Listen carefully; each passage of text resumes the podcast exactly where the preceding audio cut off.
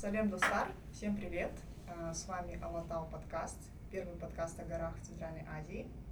А, я специалист по коммуникации Миров Тубайказа вместе с подругой Айгуль Ахмедхаза и нашими героями рассказываем истории о людях, которые ходят в горы, любят горы и живут рядом с горами.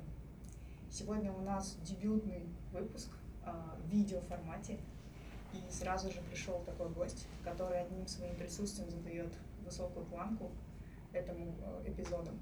А, к нам пришел Максут Жумаев, а, заслуженный мастер спорта по альпинизму, капитан сборной альпинистов Казахстана, а, человек, который взошел на все 14 восьмитысячников и этим вписал Казахстан в историю мирового альпинизма.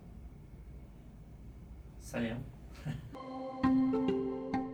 Спасибо, что вы приняли мое предложение. Это мы делаем только первые шаги, и ваша поддержка для нас имеет огромное значение. Этот выпуск я хотела бы начать с того, что три года на... переехав в Алматы три года назад, горы изменили мою жизнь. Я здесь обрела просто удивительных друзей. И первый мой поход на Бао я познакомилась с Мируэт.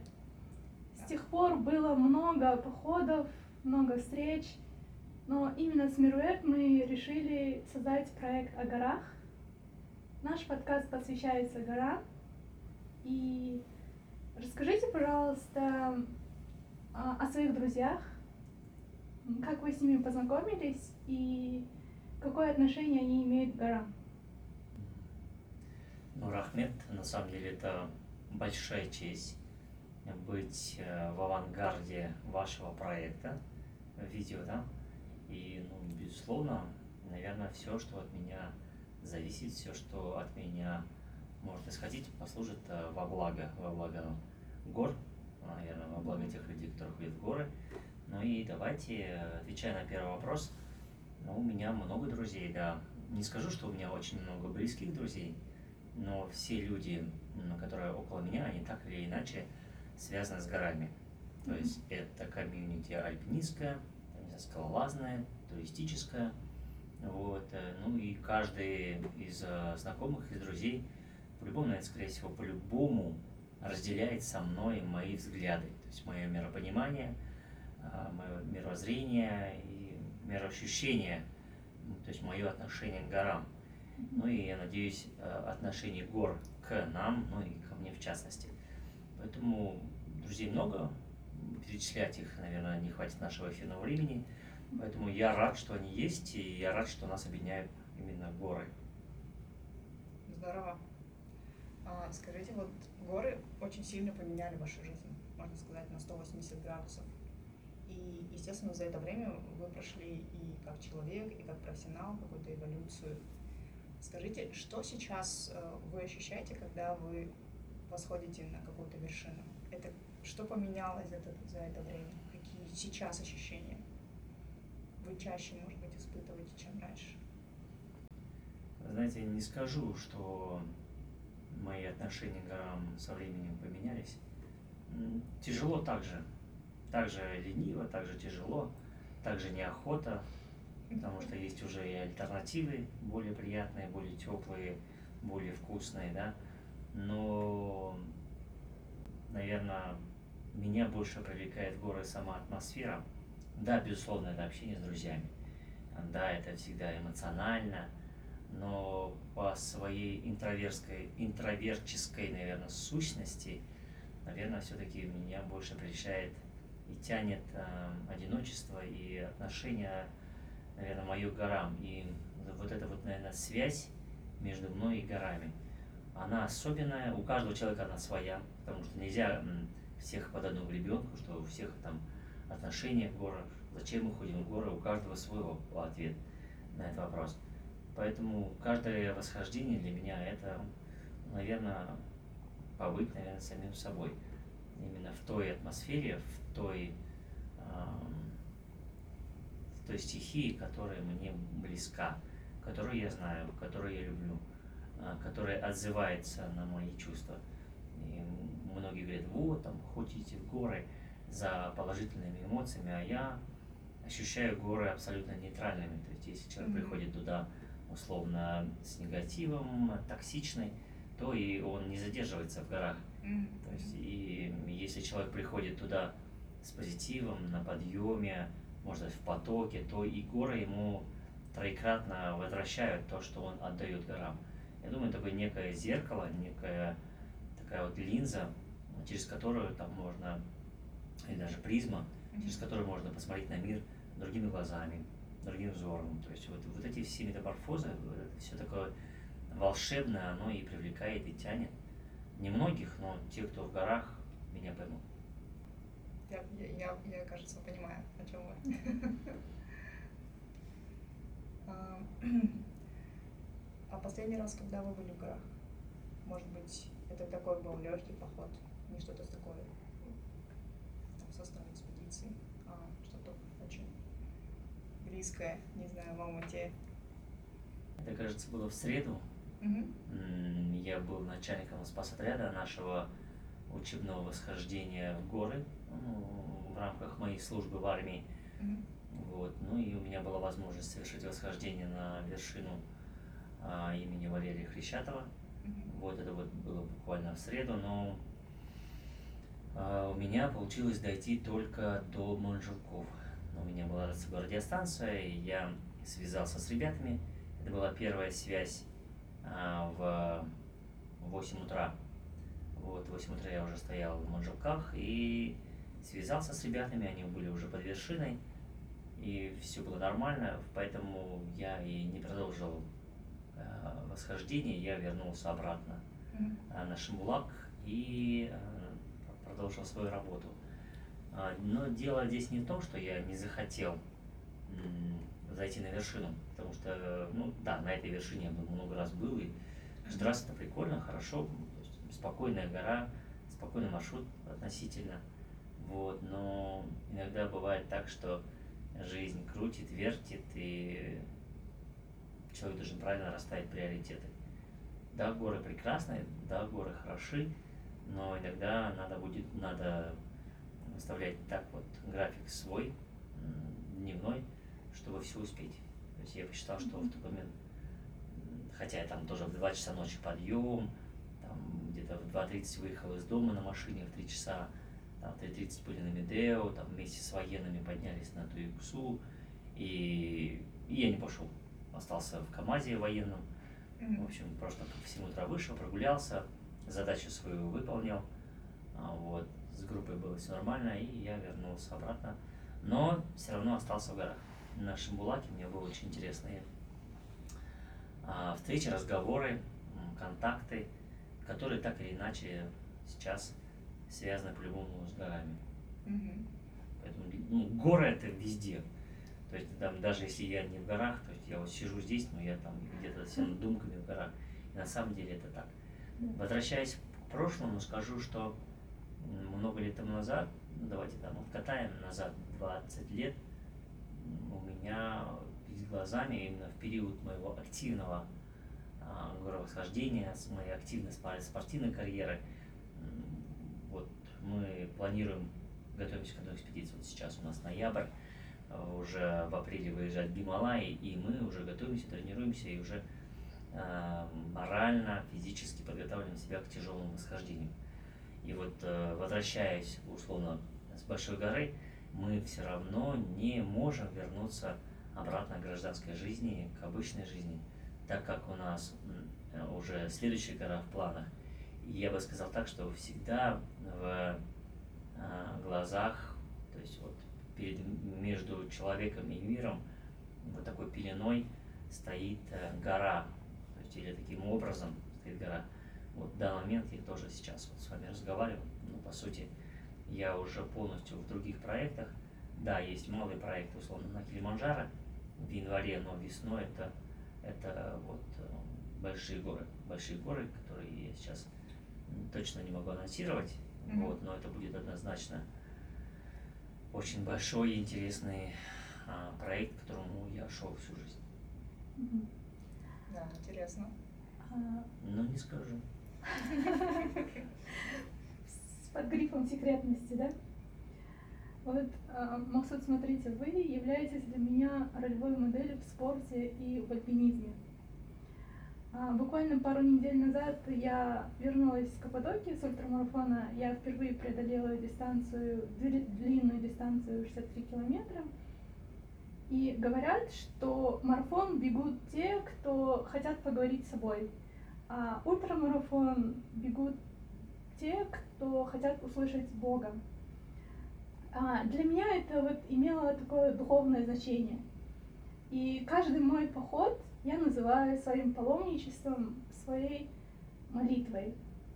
И каждый раз с вершины все равно я спускаюсь с каким-то инсайтом, с каким-то внутренним таким открытием.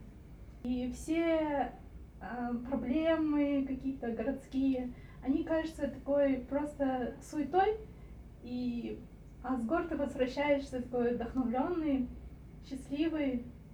И вот из ваших интервью тоже я прослушала, что вы достигли вот горы, а, дают вот какой-то уровень духовности, сравнимый вот с восьмитысячниками. И как, а, вот поделитесь, пожалуйста, с какими внутренними открытиями, инсайтами вы приходите с гор, с вершин, и как вы делитесь с этим духовным опытом, который вы там получаете дома, на работе? Ахмед, интересный вопрос. Это не вопрос, а такой монолог был. Вот, но на самом деле очень понятно, потому что, ну тоже, то есть проникся твоим рассказом.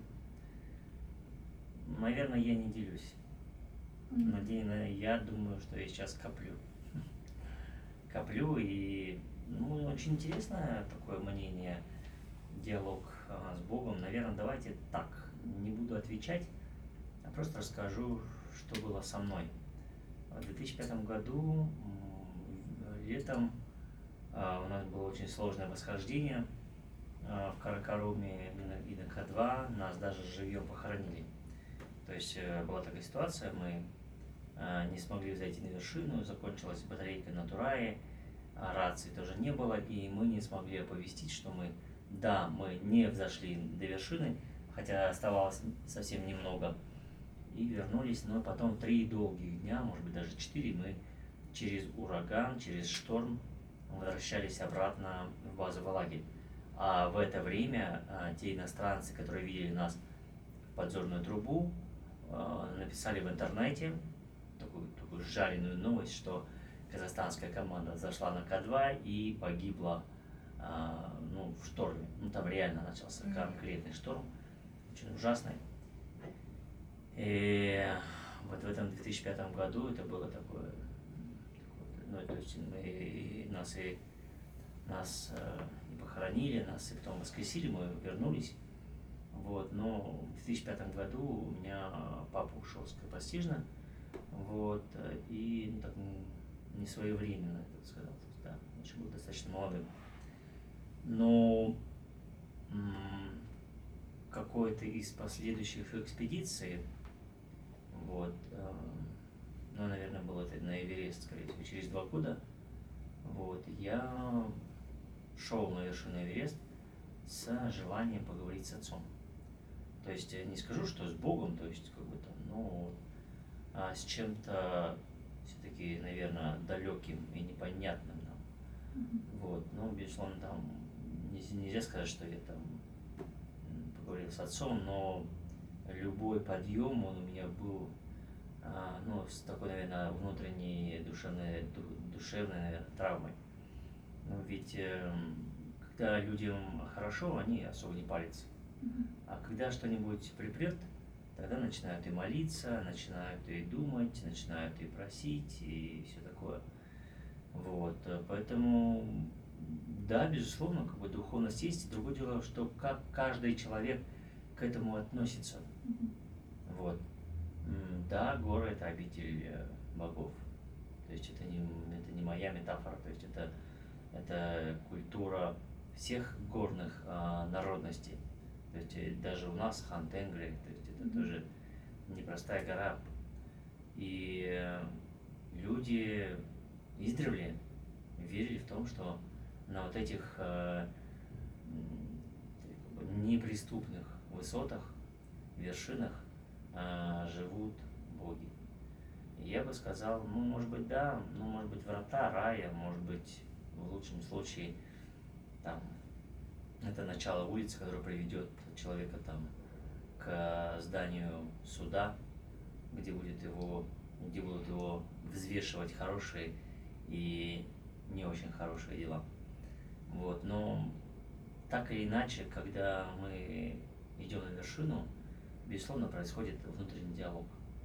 А, мы говорим, вот мы идем в горы, там, чтобы поговорить с собой там, или с Богом. Но если человек условно найдет в себе внутри это божественное, да, и ему говорит Бога, да, хотя я говорю, там, он спрашивает, там, ты ходишь в мечеть? Я говорю, да, а в какую? Я говорю, вот сюда.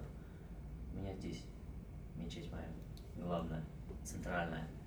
Поэтому, безусловно, просто когда ты находишься в горах, есть прекрасная возможность, чтобы посмотреть на себя со стороны, посмотреть на себя с высоты, и не только на себя, на жизненную ситуацию, которая вокруг тебя, на людей, окружение свое, посмотреть именно со стороны и на проблемы с высоты. И вот здесь э, уже все зависит от высоты человека. То есть у каждого человека есть своя высота. Это не говорит о том, что он может зайти только на 4000 или на, на 5000 или там, на 8000 метров. Я говорю сейчас про другую высоту. Я говорю про сейчас про духовную высоту. То есть какой рост духовный у человека. Ну, там, говорят, там есть такое расхожее мнение, там в, в горы идут только те люди, которые там, там духовно там, э, ростом такие же, да, то есть, ну, это мы немножко так себя а, такие мы хорошие, эго такие, да, да, да, да, эго тешим, все такое. Поэтому кто-то идет уже за тем, чтобы оттачивать свою духовность, кто-то наоборот ищет, ищет свою духовность в горах. Ну и горы просто прекрасная возможность. То есть там проще абстрагироваться от всего земного, от всего обыденного, то, что нас окружает. Вот, поэтому кто-то идет, допустим, в храмы. Там в храмах тоже тихо, спокойно, потому что, ну и когда можно поговорить, ну, либо с Богом, либо с самим собой.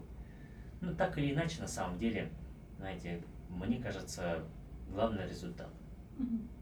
Если человек приходит одухотворенный с гор, если человек возвращается из храма одухотворенный, значит, он делает что-то правильно.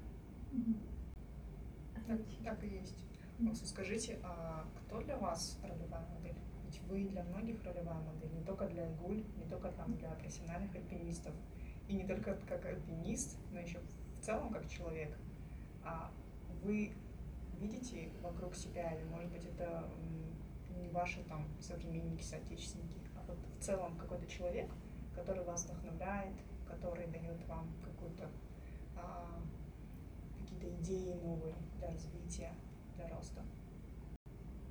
А есть ли такое понятие ролевая культура? Если для вас есть, то давайте это об этом расскажем. Давайте поговорим. Ты хочешь об этом поговорить? Ну хорошо, ну смотрите. Безусловно, мне нравятся люди, а, которые имеют определенные качества, которые мне импонируют. Но мне нравится и культура, которую я принимаю, которую хотел бы олицетворять в своей жизни.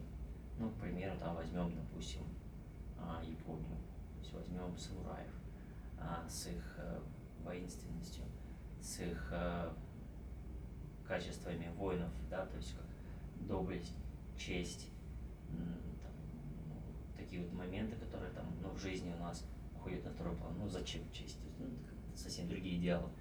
Вот. А есть люди, которые, условно, в горах, если возьмем, к примеру, Валерия Николаевича Хрещатова, вот, ну, это был интеллигент, альпинист, интеллигент, очень уважительно относился и к людям, горам, но при этом очень был сильным альпинистом. А есть люди, там, безусловно, там моя мама, да, то есть это доброта. То есть не в каждом таком э, брутальном рыцаре ты найдешь доброту. То есть там, да, он может проявлять доброту, то есть там, уничтожая врагов, ну, тоже, тоже добро творить добро. Ну, здесь, э, знаете, наверное, дело в принятии. То есть, если я принимаю те или иные качества как за правильные, я их, наверное, и транслирую в свою жизнь. Просто если, к примеру, вы меня принимаете за, за, за ролевую модель, возможно, я что-то делаю правильно. Возможно, те идеалы, которые я э, впитал с молоком матери, то есть э, с того окружения, которое у меня есть, с, той информацией, с, той, с тех книг, там, не знаю, фильмов, рассказов, э, общения, и то, что нельзя, я не создаю себе идола. Ну, то есть это как бы не мной придумано. То есть я не поклоняюсь никому и э, считаю, что ну, человек приходит сюда один в эту жизнь, и он уйдет один. Другое дело, надо иметь с собой багаж хороший. Ну, поэтому ролевых моделей, наверное, нет, но просто не нравятся определенные моменты. Ну, я их придерживаюсь. Да, здесь мы тоже в таком контексте, что есть такие качества, которые нам импонируют, как бы.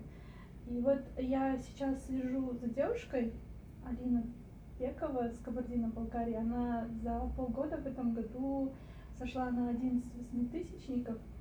И вообще я изучала истории женщин-альпинистов, да. Вообще у альпинизма мужское лицо. А, и когда как девушка я иду в походы или на вершины, а, как бы кажется, что я транслирую какое-то мужское достигаторство. Или там, я хочу якобы кому-то что-то доказать. Даже мне говорили об этом, и я ну, задалась вопросом, типа, для чего? И как символично я нашла ответ в походе на озеро Маншук. То есть Э, я поняла, что я иду в горы не чтобы что-то доказать, там что-то преодолеть или достичь, а я иду в горы, чтобы наполняться, наполняться энергией, э, чистой энергией вершин, мудростью. И мне кажется, вот это по-женски. Как вы относитесь к женскому альпинизму? И в ваших походах были женщины? Про какие женские экспедиции вы можете рассказать? Моя первая книга в альпинизме, одна из первых книг, это была категория трудностей а, Шатаева. Mm-hmm. Вот а, про первую советскую экспедицию женскую на пик Ленина. Mm-hmm. Там Эльвира Шатаева, супруга, да, кажется, Владимир Шатаев, надо посмотреть. Mm-hmm. Вот, а, и там произошла большая трагедия, и все девчонки погибли все сто процентов. То есть на вершине Ленина, то есть это вся сборная Советского Союза женская погибла. То есть это была чисто просто женская Да, это была первая. Mm-hmm. Там, чем они там руководствовались, для чего, там, кому-то что-то доказать или что. То есть были сильные девчонки, но вот так получилось. Они попали под расклад, и не хватило, наверное, какой-то какого-то опыта все-таки принять правильное решение и выжить. В горах все просто. Ты либо выживаешь, либо погибаешь. Там на самом деле уже там до тонкости, там кому-то что-то доказать, там уже не то. А затем, да, безусловно, у нас в секции всегда были девчонки, ну, ходили там до третьего разряда, там порой шутили. Для парней альпинизм это школа мужества, а для девушек это школа замужества. Ну, таких вот женских, а, таких вот а, альпинистских свадеб я там особо не помнил. Ну, в силу там разных обстоятельств. Вот. А, затем были экспедиции. В экспедициях тоже участвовали девушки. И, ну, я всегда так уважительно относился к девушкам, с их, к, к их выбору. Вот, непростому. Скажу сразу, что парням сложно а девушкам вдвойне сложнее. Вот, э, в силу многих обстоятельств. Но и если девушка все-таки находит в себе силы, мужество, решительности, все-таки там, выйти на восхождение, то есть там, испытывая все тяжести, тя, тяжести и лишения, да, вот, ну, то честь и хвала. Были семитысячники и восьмитысячники. Вот, э, и помимо этого были иностранные, допустим, женщины, допустим, к примеру, Герлинда Кальтербрунер, да, это наша знакомая, хорошая, с которой мы совершили восхождение на К2 в 2011 году, буквально вчера а, своим военным я читал лекцию, и также у нас сейчас, а, военные из Индии, то есть мы там проводим совместные учения, курсы, обучение, то есть обмен опытом, и вот как раз я им показал фильм «Двойный К2» про наше восхождение 2011 года. И вот вспомнил опять, то есть вспомнил это лицо, вспомнил эти отношения, есть прекрасная женщина, женственная, то есть в горах, то есть это не так прям, о, это девушка конь, там, фигачит. Нет, это очень достаточно хрупкая женщина, но что меня всегда привлекало и привлекает, э, в, допустим, вот в женщинах-альпинистах, это отношения. Отношение к горам. Допустим, возьмем пример. Герлинда, как ну, хороший пример, хорошая ролевая модель. Она совершала восхождение на восьмитысячники и никогда не пользовалась услугами шерпов. Никогда не использовала услуги э, специальных гидов под нее. Э, никогда не использовала кислород. То есть нельзя сказать, что она прям вот пыталась так, так быть такой же мужественной, то есть такой мужской, то есть такой подход, вот там через, по, по жесткачу, прям вот надо так вот, как положено. В принципе, это нормальный подход. То есть э, подход по принципу fireplay, честной игры. Если человек приходит в горы, в большие горы, то он должен прочувствовать каждую гору от начала до конца. Если мы говорим сейчас о кислородном оборудовании, то это допинг. Человек, совершающий восхождение а, с кислородной маской на вершину Эверест, он совершает восхождение либо на семитысячник, ну или в лучшем случае на восьмитысячник малой высоты. То есть там, получается, убирается основной барьер гипоксии. Да? А, затем девушка, вот это Герлинда, она идет, мы идем вместе. То есть там не, не так, что она за нашей спиной только идет, идет, идет. То есть самую трудную, тяжелую работу пускай делают мужчины, то есть она вот сохранит э, силы, потому что она же девушка, она там все дела. Вот, а она нет. То есть там каждый делает 10 шагов, уходит от тропы. Следующие 10 шагов. Настает очередь Герлинды, она делает свои положенные 10 шагов и тоже уходит. Ну, там 10, там, 20, 50, не имеет значения. То есть главное, то есть разделяется вся работа, и она делает... Ведь знаете, одно из правил восхождения, э, что при совершении восхождения нету мальчиков и нет девочек. Есть участники. То есть и не то, чтобы я там теперь этим, этим а, постоянно кичусь и говорю, вот если девушка, то нет такого девушки. То есть вот, там мы берем все по 20 килограмм, и ты бери 20 килограмм. То есть о, нет, я девочка, мне 10. Какой 10? 20 бери. Тогда, ну, зачем? Вот, э, допустим, мне кажется, вот все-таки вот то, что мне в Герлине импонировало, то есть она всегда делала то, что считает нужным. То есть, если она считает, что да, вот, там надо идти, это не значит, что, допустим, вот рядом с ней стоят два мужика по, по 2 метра, то есть, которые могут спокойно нести там 60 килограмм да, на своих плечах, потому что они могут нести. Она хрупкая девушка, то есть она там 60 килограмм весит, условно, да, да. А рост у нее такой, не такой, ну там метр семьдесят, может быть, да. Ну и 60 килограмм на нее одень, она сама весит столько, но она никуда не пойдет. Вот, поэтому тут надо дифференцировать такие моменты. И, честно говоря, просто я слышал о таких моментах, когда там на девушек цикали, там, на, на, девушек снисходительно э, так, смотрели, так, ну там, девчонки там идут. Но надо просто глубже смотреть на эту ситуацию и ширше. Mm-hmm. Вот. Я считаю, что это созна... если сознательный выбор, то если там девушка совершает восхождение, то есть это я ее буду уважать больше, чем мужчина. То есть мужчина, то есть делает при равных обстоятельствах, зашедший на вершину, условно, К2, то есть для меня больше уважения будет Герлинде за, за то, что она это сделала. Потому что она испытала больше, то есть даже с точки зрения физических особенностей, то есть всегда ну, тяжелее. Тяжелее, то есть мужчина проще. Ну и как бы нельзя на самом деле сравнивать, потому что мы все равно с разных планет. Ну, как бы надо это тоже сноски давать на это.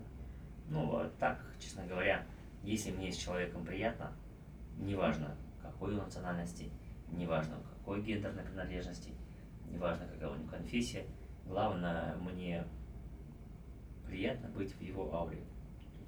Вот и все. Можно тогда в связи с этим вопрос? Пять лет назад вы говорили о том, что хотели бы увидеть девушку-казашку, зашедшую на Эверест. И вы говорили о том, что существуют нормативы, а, и можно было бы подготовить, то есть собрать желающих девушек да, из числа альпинисток, а, подготовить их в течение там, года, да, условно. Они бы прошли там 2-3 лагеря, и уже по итогу вот этого отбора кто-то из них мог бы взойти. И вы говорили о том, что да, можно было бы, конечно, поступить проще, пойти путем, там, найти какую-то девушку-селебрити, и у которой большая аудитория, у которой будет там много медийного, да, там, охвата всей этой истории. А, но вы хотели, ну, как бы ваше видение было такое, что этот человек, зашедший, то есть эта девушка, зашедшая на Эверест, она потом будет продолжать, а, естественно, альпинистскую какую-то деятельность, да, спортивную свою, свою жизнь и станет ну, для кого-то вдохновением там, для последующих людей, что да, мы тоже хотели бы заниматься спортом, мы тоже хотели бы тренироваться. Вот с тех пор ваше видение изменилось? Мне интересно. Видение не изменилось, изменились обстоятельства. Mm.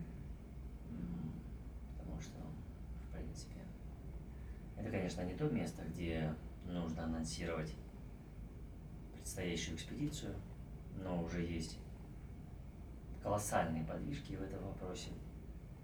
Вот. То есть, если раньше это было на уровне мечты, на уровне мечты, на уровне желания, на уровне понимания, то есть оно все осталось, но сейчас э, уже в преддверии э, моей пенсии, то есть когда я могу уделять этому э, своей личным, своим личным проектам больше времени, то есть все меняется, все меняется очень быстро, динамично. И, возможно, уже в ноябре будет какая-то большая информация по этому вопросу. Да, безусловно, есть много нюансов. Много нюансов, есть э, моменты, ну, которые такие очень зыбкие. Это касается и подготовки, это касается и родителей, это касается и работы, эти, ну, условно, там, Мгм. гипотетически, там, конкурентов, да. Это касается и желания, и это касается того, как все это произойдет. К примеру, а, мы сейчас планируем, допустим, анонсировать проект, этот, да, замечательный, нужный абсолютно, я его называю национальным проектом. Я придаю этому а, мероприятию, ну, просто ну, в моей жизни это, колоссально. То есть в моей жизни, возможно, это тот момент, после которого, в принципе, можно уже и а, переходить в другую жизнь. Кто знает, да?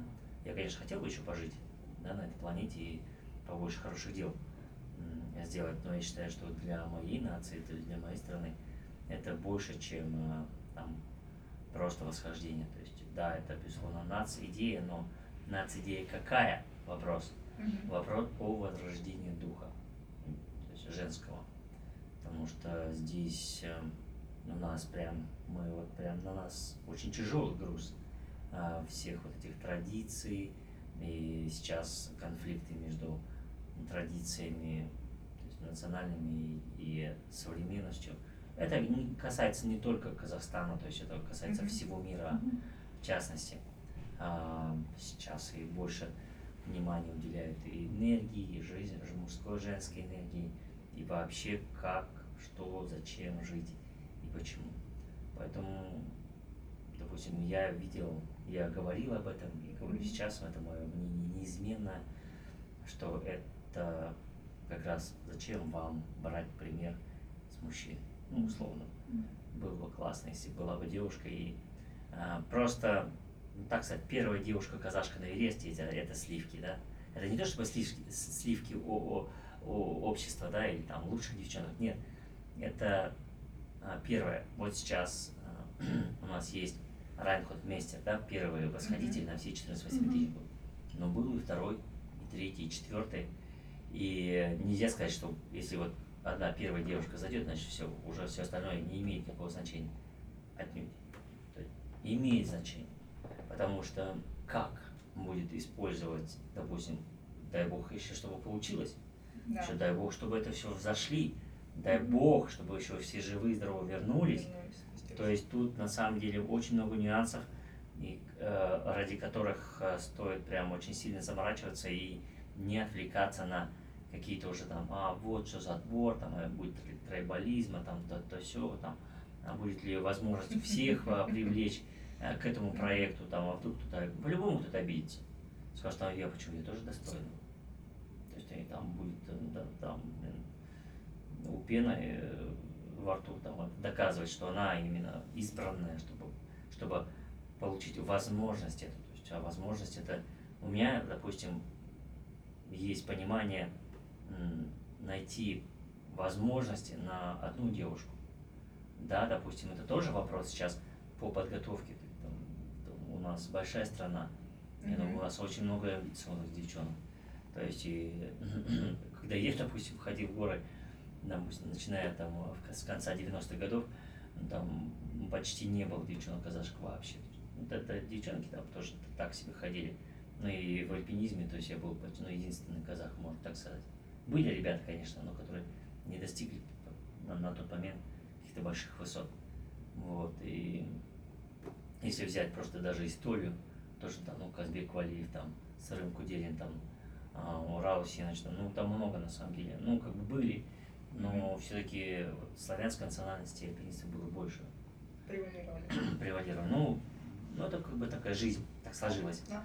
Поэтому интересный проект, он еще живет, и я надеюсь, вот я сегодня об этом и говорил, то есть есть понятие поток, и я вот очень много говорил про поток, и вот сейчас ощущаю этот поток, который, то есть, который захватывает меня, и знаете, да, что интересно, от меня уже мало что зависит. Да, я могу просто там сзади включить, ой, нет, я буду в служить, вот- но я понимаю, что, знаете, тот момент, когда я завершил свою спортивную карьеру, мне было очень больно, А, когда ребята говорили, вот, сейчас мы едем на Хантенгри, мы едем на семитысячники там, а я не еду, потому что я завершил спортивную карьеру, но это вот дело привычки или там дело того, что, а как они без тебя, то есть они тебя бросили, то есть ты никому не нужен, там, ну, такие моменты были. Здесь то же самое. Разве можно ли, разве можно предать свою мечту? Разве можно предать свои а, идеалы и те стремления, которые, или вот знаете, та возможность сделать что-то хорошее для своей страны, для своей нации, потому что в- возрождение ведь, ну, конечно, может быть это банально, но что в головах у наших молодых девушек? Я не так, я не, не часто общаюсь с девушками. Не в силу того, что я там однолюб, там и э, мне хватает там общения. То есть, ну, не стремлюсь. Бывает общаюсь, не бывает не общаюсь. Но что в головах? Выйти замуж хорошо, эм, рожать детей, сидеть дома, чтобы муж обеспечивал, все. Ну что еще? Ну да, сейчас, конечно, там и, и наука, и бизнес, то есть, ну это, ну тоже. И вот э, мы на кого, допустим, ну на кого могут э, равняться девушки? Алия Молдогулова, Маша Кметова, там, Фируаз, там у нас девушек-космонавтов нету. Ну, кого? У нас были прекрасные женщины и в культуре, и в науке. В культуре, да. Ну вот именно такие, знаете, это ге- который совершил геройский поступок. То есть, ну да, зайти на Эверест, но это я, конечно, не Адольф Гитлер, да, но который там возводил альпинизм в ранг э, подвига. То есть, да, ну, то есть на самом деле это маленький подвиг, даже мечтать об этом, то есть думать об этом, чтобы стать первой казашкой на Эвересте, это, это тоже подвиг на самом деле. Потому что каждая девушка отдавать, да, отдает себе отчет своим мечтам. Э, и мы понимаем, что мысли материализуются, что мечты исполняются. То есть нельзя просто так вот мечтать, о чем попало. То есть надо ну, ну, ну, я, я понимаю, что это, это все реально. Поэтому посмотрим, как получится. Я не оставляю этот проект. Я работаю активно и сейчас идет отклик. Эм, Я надеюсь, что это произойдет. Даже там из федерации какие-то движения есть, но не буду сейчас говорить вам а, о каких-то результатах переговоров, потому что это только переговоры. Просто переговоры раньше не велись Мгм. То есть были там, а, Жумаев там где-то ляпнул там, казашка на Эвересте, он классно там, а, там где-то написал, а, классно. Это не значит, что я это там, как бы использую как некий пиар, какой-то там хайп. То есть, пожалуйста, я говорил всегда, то есть любая девушка может там накопить 50, ш- там, 5 тысяч долларов, купить э, в турфирме, там, ну и поехать, и сходить на вершину. То есть не обязательно кто такой Жумаев. Ну да, это тот человек, который будет думать о ней больше, чем о себе, но только и всего. Ну, То есть это тоже неплохо, но здесь э, для меня этот проект больше, чем ну, даже не коммерческий. Конечно. Вот. Потому что Тут, тут, э, тут тут совсем другое. Тут другие абсолютно.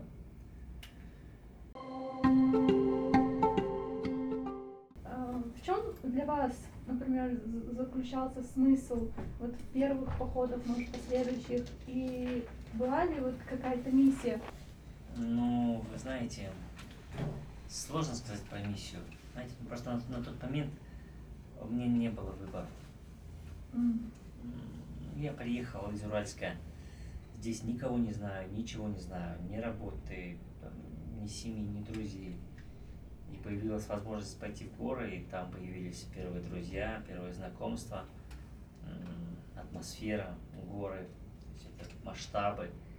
Безусловно, это потянуло, это повлекло, это там закрутилось, завертелось, но миссия нет. А, Даже на тот момент, может быть, там сказать, что это была какая-то национальная у меня составляющая, там, типа, ну, казахов нет, надо быть. Да, там были такие моменты, когда да, там тебя в сборную взяли, потому что ты казах. Именно в те года, да, вот в 90-х, в конце 90-х, 2000-х годах, а, вот, э, был такой момент, нацкадры, нацкадры, то есть там старались больше, чтобы в сборной командах было больше казахов, там, и, и, и кто-то там ляпнул, то есть там, а, это тренд такой, там, тебя взяли в экспедицию только потому что ты казах. Ну, это задевало, то есть это, конечно, мотивировало очень хорошо. Но я, наверное, только сейчас начинаю понимать, что это, это, знаете, это как от работу, которую ты делаешь, делаешь, она нудная, она монотонная, но потом появляется шедевр. Шедевр, который Мгм. восхищаются прям поколения, да, то есть. И мы тоже не знаем, допустим, к чему приведут наши, а, наши, есть наши действия. Да, безусловно, может быть, сейчас я могу уже со стороны, то есть с высоты, наверное, этих лет сказать, что да, сейчас и ребят казахов больше стало в горы ходить, девчонок казашек, и, то есть, ну там, а чем я хуже? Даже вот элементарный вопрос, а чем я хуже него? Него вот можно абсолютно. И, кон- Конкурентная среда. ну, как бы, да, здесь не конкурентности, я бы рад, на самом деле. Потому что если брать в генерале, то горы это большой трансформатор. Знаете, мы говорим, вот там достигатор, человек достигатор, да, там мотиватор. А горы, ну, как я сказал, трансформатор. трансформатор. То есть, да. То есть это он трансформирует человека, то есть его мысли, может быть, структурирует просто. Можно он раз там понял, а, а, вот в этом направлении я двигаюсь не так. И знаете, и было бы хорошо, если бы стало как можно больше людей ходить в горы, и именно не просто так пошли, там, побешпармачили, то есть шашлыки пожарили, о, где были? А в горах мы были. А что делали? А шашлыки жарили. Ну, тоже там. Ну, тоже да, почему нет? Но если мы говорим о новых проектах, то есть о новом человеке, то я считаю, что горы это, ну, это самый лучший да, проект, где человек может себя изменить. Вот, ну и тоже, и все мои проекты, они так или иначе были направлены, что даже и девушка на Эвересте, казашка и другие проекты. То есть оно как-то двигается. Ну, почему нет? Да. Символично вот, что мы записываем этот подкаст, уже почти конец года, и вы уже упомянули в ходе этой беседы, что скоро покинете службу, будете заниматься, как бы, уйдете в свободное плавание, будете заниматься своими проектами. Скажите, а какие-то уже у вас есть мысли, какие-то итоги, а, с чем вы выйдете в свободное плавание? А, помимо ваших проектов, ваших задумок таких больших, а, с чем вы уйдете туда уже в жизнь без службы? Ну, понятно, что это будет тоже связано с горами, это будет связано с активными там видами там, спорта, потому что вы катаетесь в горах. Я видела, вы в этом году пробежали полумарафон с, с вашим сыном. Тоже классно. Ну, то есть вы успеваете везде. И хотелось бы вот узнать, как вы, какие итоги вы для себя подвели? Может быть, какие-то мысли вы для себя уже обозначили? Это как в резюме есть а, статья, такая графа, а, что бы вы хотели да, получить от этой работы, на которую претендуете, да? Это тоже недавно надо было написать резюме. То есть я поступил в университет. Вы в учитесь? В Алмаю. Нам а, Международную академию бизнеса. То есть, ну, там. Это магистрская программа? Да. Здорово. Вот. Но этим надо заниматься, надо двигаться. Ну что, все достаточно просто. Надо использовать тот багаж знаний и тот опыт, который у меня есть, наработки. Вот, просто их расширять. То есть, если это раньше был, знаете, как э, лазерный луч, то здесь прям как свет, то есть, который должен заливать все. Ну, безусловно, это туризм, да, во всех его проявлениях. Ну, я бы, наверное, его назвал бы таким международным туризмом, там, во всех его проявлениях. То есть, ну, ну, наверное, точно не продавать туры и билеты, там, авиа, но вот именно на то, чтобы развивать свой проект, да, вот социальный альпин-клуб, вот все-таки его интегрировать в мировую систему. Но этот туризм, вот именно то, что я вот имею, там, альпин-клуб, там, восхождение, mm-hmm. всякие лагеря, там, курсы, там, да, тренинги, тимбилдинги, да, там, а, мотивационные лекции, но и, и еще, конечно, безусловно, а, помимо коммерческой составляющей, которая, безусловно, необходима для того, чтобы содержать семью, но есть еще и так называемая социальная составляющая, там, допустим, что у меня есть у меня есть э, желание работать с молодежью, у меня есть опыт военной подготовки, у меня есть опыт э, там, ну, туризма. То есть mm-hmm. совместить а, туризм, молодежь, а, военно-патриотическую составляющую.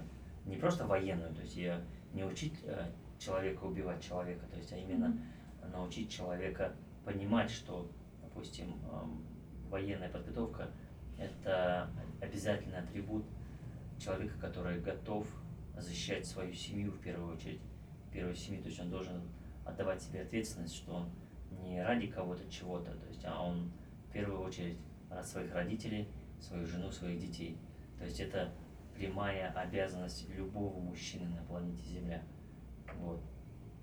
Э, и вот, э, вот эти моменты, но мне кажется, мне вот еще сколько осталось жить, все-таки уже почти 50 лет, и поэтому мне хватит этих дел.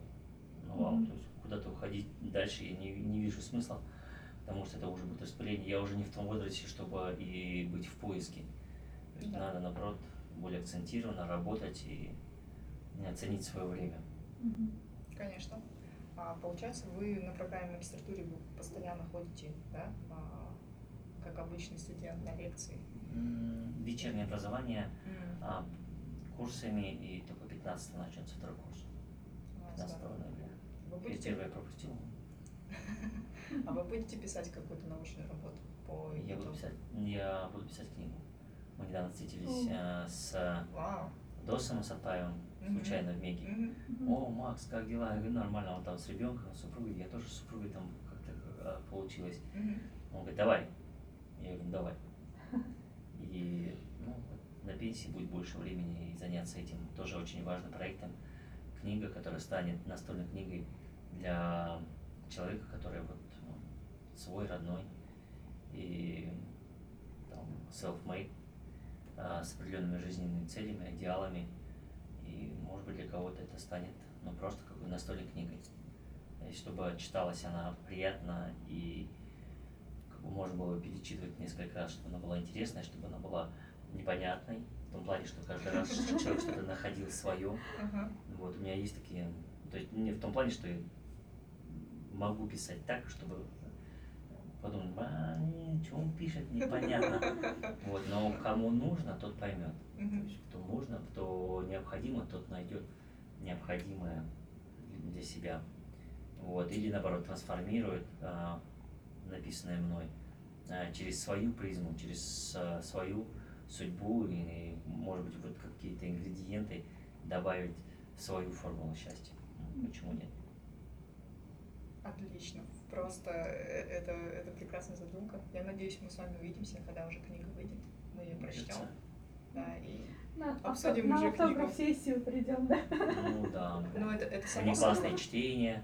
Да, да, да. Нет, чтобы потом обсудить с вами книгу, что мне хотелось бы, конечно, прочесть, а, что я, я думаю, мало, а, в принципе, книг, хотя э, книгопечатание вот отечественно сейчас очень активно развивается, и в том числе а, появляются книги на казахском, перевели там весь Гарри Поттер а, на казахский язык, а, создают Мгм. сказки, создают исторические какие-то романы, переводят и пишут.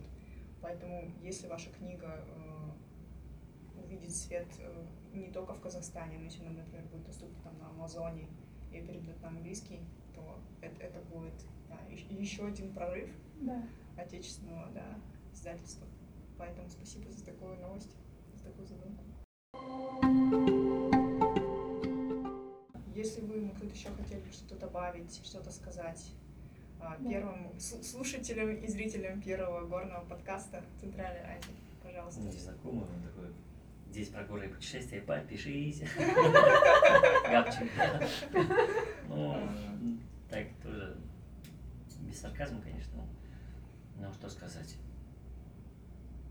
Ну, когда мне просят, там, вот, давайте, окей, там, вода туда-сюда, там, пожелайте что-нибудь нашим, там, на следующей неделе со студентами опять буду встречаться, сейчас с детьми встречался.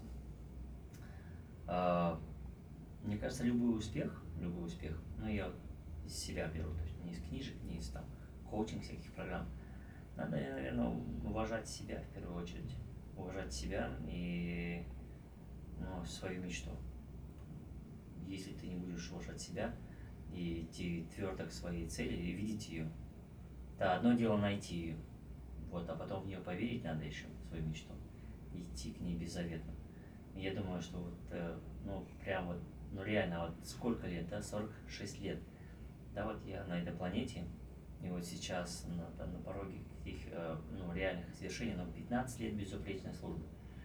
Да, я надеюсь, получу эту медальку в декабре, да, то есть то, что я отдал армии, и многое хорошее я получил, да, в рядах вооруженных сил, являюсь, да, и, и честь, и, да, и достоинство, и все это, вот, все очень такое, знаете, не имеющее ничего общего с материальным, а больше имеющее с духовным.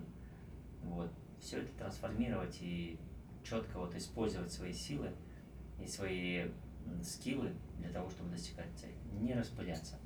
Да, вот там говорит, а как вот стали вот таким крутым спортсменом? Ну, я, ну, ну, за 20 лет, если человек ничего не достиг на своем поприще, то, ну, наверное, это уже диагноз. Вот, но если ты 20 лет бьешь в одну точку, по-любому, что 20 лет это большая, прям, это большой срок. Поэтому надо верить, надо верить. Главное верить. Без веры останутся в жизни только э, разрушительное сомнение. Вот. Поэтому если ты, даже если где-то там ты веришь не в ту сторону, блин, ну надо до конца, до конца и просто в какой-то момент прочувствовать, пережить, э, распознать, может быть, немножко подкорректировать курс, но все равно двигаться и четко верить, что это обязательно исполнится. Если это не исполнится, то, не знаю, ну, мы, мы биомасса. Это как бы, Ну, здорово. И трудиться. Трудиться, трудиться и еще раз трудиться. ну, а по-другому никак. Ну, Я не знаю ни одного человека, сказала, который не трудится. честно. Все трудятся. Действовать. Да, Действовать. все действуют, все трудятся, но Да. вот здесь только вот именно в акценте. То есть по-любому, ну, нет такого человека, который просто не работает. Не знаю, может быть, есть, может быть, где-нибудь в зоопарке, может быть, его покажут, но э, я вижу, что все стараются. Мы стараемся детям своим показать именно на своем личном примере, чтобы это было так. Поэтому ну, работайте, работайте, еще раз работайте, все будет. Поэтому нормально все будет, прорвемся. Да. Супер. И дай бог, чтобы все ваши мечты и задумки сбылись. Я хочу увидеть эту женщину на Эвересте и говорить, это моя соотечественная, соотечественница, это девушка казашка. дай бог. Да. Спасибо большое вам. Спасибо. Было очень приятно, очень интересно. И- Взаимно. Супер. Все. Все, да. мы все. Да.